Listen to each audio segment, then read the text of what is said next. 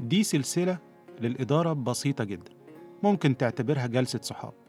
جلسة بينك وبيني ندردش فيها عن الإدارة.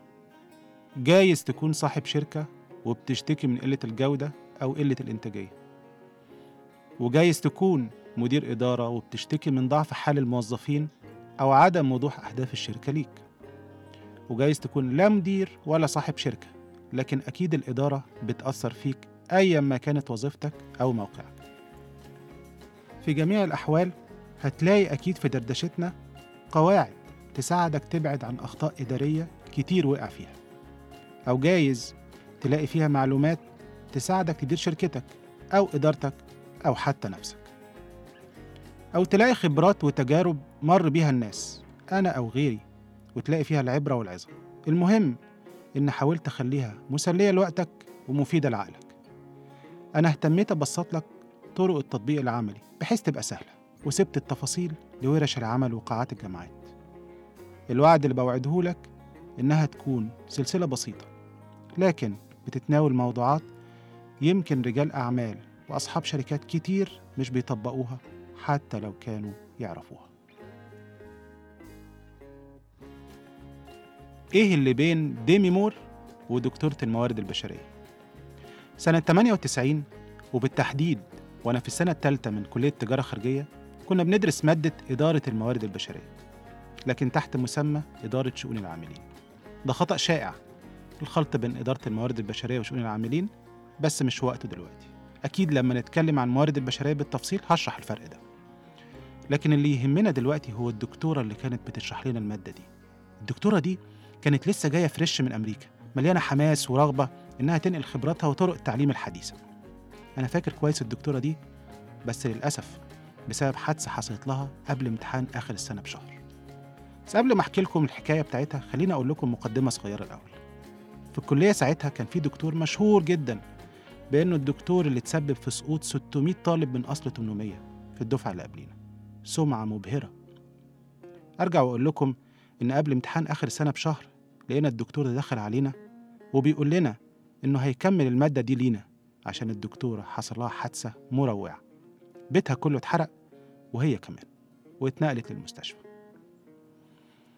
الدكتور ده قعد أسبوعين يشرح أو بمعنى أصح يحطم كل اللي هي شرحته لحد ما في يوم وفجأة لقيناها داخلة علينا المدرج وراسها محلوقة تماما بسبب الحريق وبتقول لنا ما كانش ممكن أسيبكم تضيعوا من بعدي. وبعدين هو حد يكره إن ديمي مور تدرس له؟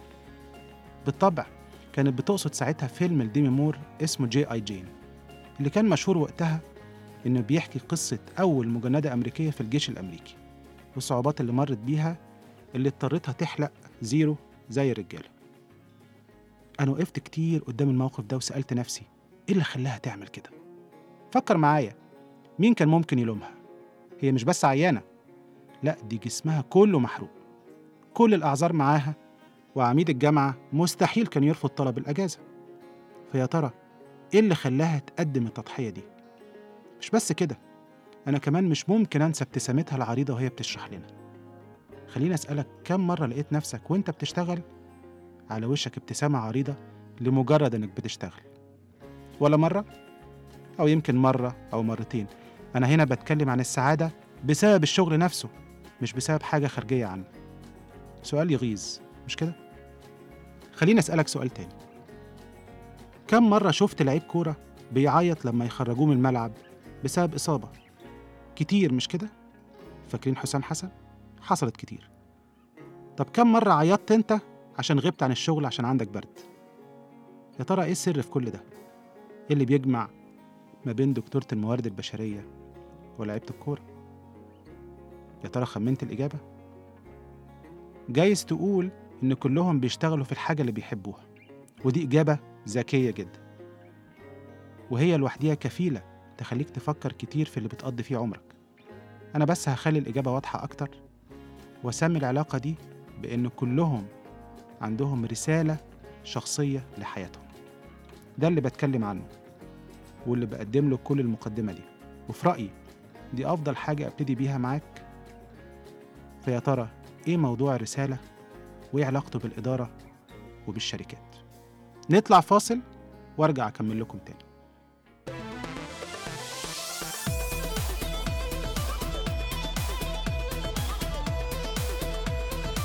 أهلا بكم في CBR. Cairo Business Radio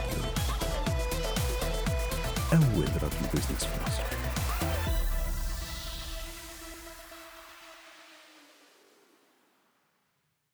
في تعريفات كتير للرسالة. جايز تكون قريتها أو قريت عنها. وجايز تكون زي ناس كتير برضو اتلخبطت ما بين الرؤية والرسالة. أنا كتير بلاقي عند الشركات حاطين رؤيتهم ورسالتهم على الحيطة. مش بحس بالفرق الكبير بينهم. الأسوأ من كده إن الرسالة محطوطة حتى لو صح لكن محدش مستفيد منها. ويمكن صاحب العمل وكل المديرين مش عارفين أصلا إزاي ممكن الرسالة تأثر في شغلهم؟ ده إذا كانوا لسه فاكرينها. عشان كده عايز أبتدي معاك بتوضيح الفرق ما بين الرسالة والرؤية وساعتها هتعرف إن مش ممكن تتلخبط ما بينهم. في كتابهم المهم جدا التخطيط الاستراتيجي مفاهيم وحالات دراسية لفريد ديفيد وفورستر ديفيد عرفوا الرؤية بإيه اللي بنطمح في تحقيقه كشركة وعرفوا الرسالة بسبب وجود للشركة يميزها عن اللي زيها في السوق. خليني أوضح لك أكتر بمثال بسيط جدا لشركة من أكبر شركات العالم شركة Walmart شركة Walmart السنة اللي فاتت كان دخلهم عشان تتخيل حجم شغلهم معدي ال 500 مليار دولار في السنة. يعني تقريبا بيعملوا مليار ونص أو مليار وتلات أرباع دولار في اليوم الواحد. شركة وول مارت رسالتهم كانت منح الأهالي البسطاء فرصة شراء نفس السلع التي يشتريها الأغنياء. أما رؤيتهم فكانت أن يصبح رأس مال الشركة 125 مليار دولار أمريكي بحلول عام 2000 طبعا كانت رؤية قديمة وتج- واتجددت دلوقتي. بس يا ترى قدرت تلاحظ الفرق بين التعريفين؟ الفرق الرئيسي بتمثل فيه القدرة على القياس. أكيد هتلاحظ إن الرسالة منح الأهالي البسطاء فرصة شراء نفس السلع التي يشتريها الأغنياء غير ملموسة مش ممكن تقيسها. لكن الرؤية أن يصبح رأس مال الشركة 125 مليار دولار الرؤية ديت ممكن تقيسها بوضوح. باختصار الرؤية تتقاس والرسالة تتحس. وعشان الرسالة بتتحس فمهم جدا إنك تكتبها واضحة ومعبرة عن حقيقة سبب وجود الشركة ويا ريت تكون قصيرة وموجزة. طب خليني أضرب لك مثال تاني لشركة عظيمة جدا من أكبر شركات العالم في مجال الطاقة. وأنت اللي هتعرف لوحدك إذا كانت رسالة معبرة أو غير معبرة. بيقولوا إيه؟ سنكون الشركة الأكثر احتراما في مجالات الطاقة والأكثر التزاما بتقديم قيمة مستمرة من خلال إدارة أصولنا بأعلى درجات الاحترافية تنفيذ المشروعات مع مراعاة أعلى درجات الأمان تطوير أعمال الشركة عبر شبكات القيمة المتعددة استحداث التغيير الداخلي وتطوير عمل المنظمة تحقيق نيتنا المستدامة التي نهدف إليها. الحرص أن نكون القادة في تبني أحدث أساليب التكنولوجيا كلما أمكن مع الحفاظ على روح الريادة ها إيه رأيك؟ حلوة؟ يمكن شكلها يبان احترافي بس السؤال اللي هيحسن الموضوع هو يا ترى كم في المية منها أنت فاكره وأنا لسه يا دوبك قايلها دلوقتي من تاني إيه رأيك فيها؟ وإيه رأيك فيها مقارنة برسالة وولمارت الاحترافية الظاهرية مش هي الأساس لكن الوضوح والبساطة هم الأساس. نخرج فاصل ونرجع نكمل تاني.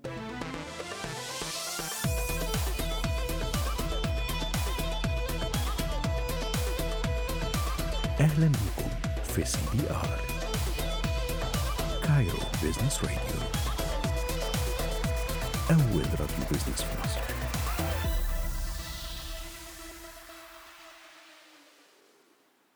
يجي هنا سؤال مهم. إيه اللي يحصل لو الشركة ملهاش رسالة؟ للأسف هنا في سوقنا المصري ده اللي بيحصل غالبا. أو في أفضل الأحوال تلاقيها مكتوبة بطريقة نمطية ما تعبرش عن سبب وجود الشركات الحقيقي. فإيه اللي يحصل في الحالة دي؟ مش هكدب عليك. ولا ههول الموضوع وأقول لك الشركة هتنهار وتفشل. لا مش هقول كده. لأن الفشل أو الانهيار في الشركات مش مرادف لعدم وجود الرسالة. ولكن المرادف الحقيقي لغياب الرسالة هو غياب السعادة مهما حققت الشركة من نجاح. بص لأصحاب الشركات هتلاقي إن نادرا ما بيكونوا مبسوطين. هتلاقيه بيجري ورا الأرباح ثم المزيد من الأرباح. وجايز تلاقيه مليان أمراض زي الضغط والسكر والقلب أو القلق. أو تلاقيه بقى مدخن شره فقط بسبب ضغط العمل. من خلال خبرتي فغياب الرسالة ديت بيسبب غياب لبوصلة السعادة كلها. هتلاقي أغلب الموظفين بيشتكوا من سوء الإدارة وتلاقي الإدارة بتشتكي من ضعف الموظفين وتلاقي الاتنين بيشتكوا من قلة انتماء كل طرف للتاني. أيوة بالظبط كده. اللي حصل إن سبب وجود الشركة والموظفين غاب بغياب الرسالة. ببساطة الشركات مش موجودة عشان تحقق الأرباح فقط لأن هناك في ما هو أهم وأكيد الأرباح هتكون نتيجة ليه. في سبب يجمع الكل داخل الشركة يحسسهم بالانتماء ويحسس الشركة بالانتماء ليهم. ويحسسهم كلهم بأنهم سواء كانوا الموظفين أو الكيان نفسه مجموعين لتحقيق غرض أهم. مثلا وولت ديزني رسالتها نحن نبيع السعادة للناس. We sell happiness. إيه رأيك؟ مش ده سبب يجمع كل أطراف المنظمة؟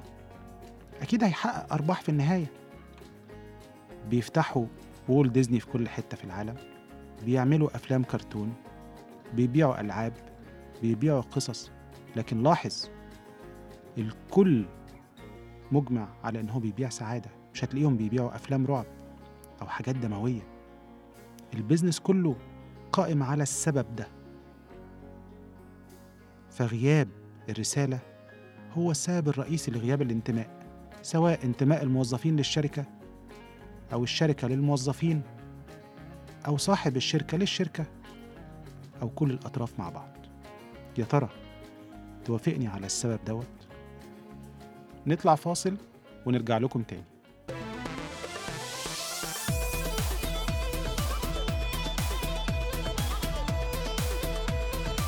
أهلا بكم في CBR. Cairo Business Radio أول راديو business في مصر.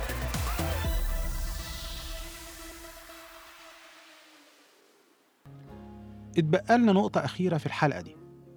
ماذا عن الرسالة الشخصية؟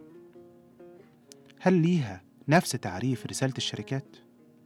والإجابة إن التعريف تقريبا واحد. وإن اختلفت الطرق اللي بنستخدمها هنا أو هناك في ورش العمل. في كتابه الممتع والمفيد جدا كيف تخطط لحياتك الدكتور صلاح الراشد بيقول عن الفارق بين الرؤية والرسالة الشخصية. الرسالة هي ما تود أن تسير عليه في الحياة وهي عن شيء عام وطريق دائم. أما الرؤية فهي النتيجة النهائية التي تسعى شخصيا لصنعها. وبعدين ضرب مثال رسالتي أن أعلم الناس. فدي شيء لا ينتهي طول حياتك. أما رؤيتي فأن أكون مديرا وده شيء محدد ولازم ينتهي في وقت محدد. يبقى أنت دلوقتي تقدر تشوف إن المعنيين ما بين الأفراد والشركات تقريبا زي بعض. فقط أدوات الوصول للرسالة مع الشركات بتختلف عن اللي بنستخدمها مع الأفراد. لكن في النهاية بنهدف للوصول إلى جملة بتعبر عن سبب الوجود الحقيقي. من خبرتي بلاقي إن بمجرد كتابتك للرسالة الشخصية هتلاقي إن أمور كتيرة اتيسرت لك في حياتك فورا دون بذل جهد إضافي. كأنها كانت مستنية منك بس إنك تنتبه لها. هتلاقي إنك بمجرد ما تحدد رسالتك في الحياة اللي اتخلقت عشانها هتلاقي الدنيا اتحركت عشان تساعدك. جايز تكتشف علاقات طول عمرها حواليك بس دلوقتي بقت مفيدة. فاكر لما فكرت تتجوز؟ ولما لقيت حواليك محلات العفش مالية الدنيا؟ المحلات طول عمرها كانت موجودة بس انت ما كنتش منتبه. جايز تكتشف إن عندك علاقات طول عمرها حواليك بس دلوقتي بقت مفيدة. أو تكتشف كتب عندك من زمان ما كنتش عارف قيمتها. أو تكتشف فرص للشغل في مجال يقربك من رسالتك. ودي النقطة الأخيرة اللي هخلص بيها الحلقة دي. النقطة ديت هي الإجابة عن السؤال اللي بدأنا بيه الحلقة. إيه اللي بيجمع دكتورة الموارد البشرية بلعيبة الكورة؟ اللي بيجمعهم في ظني هو وجود رسالة ليهم. رسالة تتسبب في السعادة الداخلية والإحساس بالرضا. ممكن تكون الرسالة تعليم الطلبة أحسن تعليم أو إمتاع الجمهور بأهدافي أو أي شيء تاني. لكن المهم إنها رسالة مرتبطة بقلب صاحبها وحاسس إن ربنا خلقه عشان يحققها ويسر له إتقانها فكل ميسر لما خلق له. أنت بقى إيه هي رسالتك في الحياة؟ في رأيك ليه ربنا خلقك في الدنيا دي واداك الصفات دي اللي ميزك بيها عن غيرك؟ أقول لك حاجة الموضوع يستحق إنك تديله كل وقتك. أشوفكم الحلقة الجاية مع دورها كويس. كنت معاكم محمد فاروق.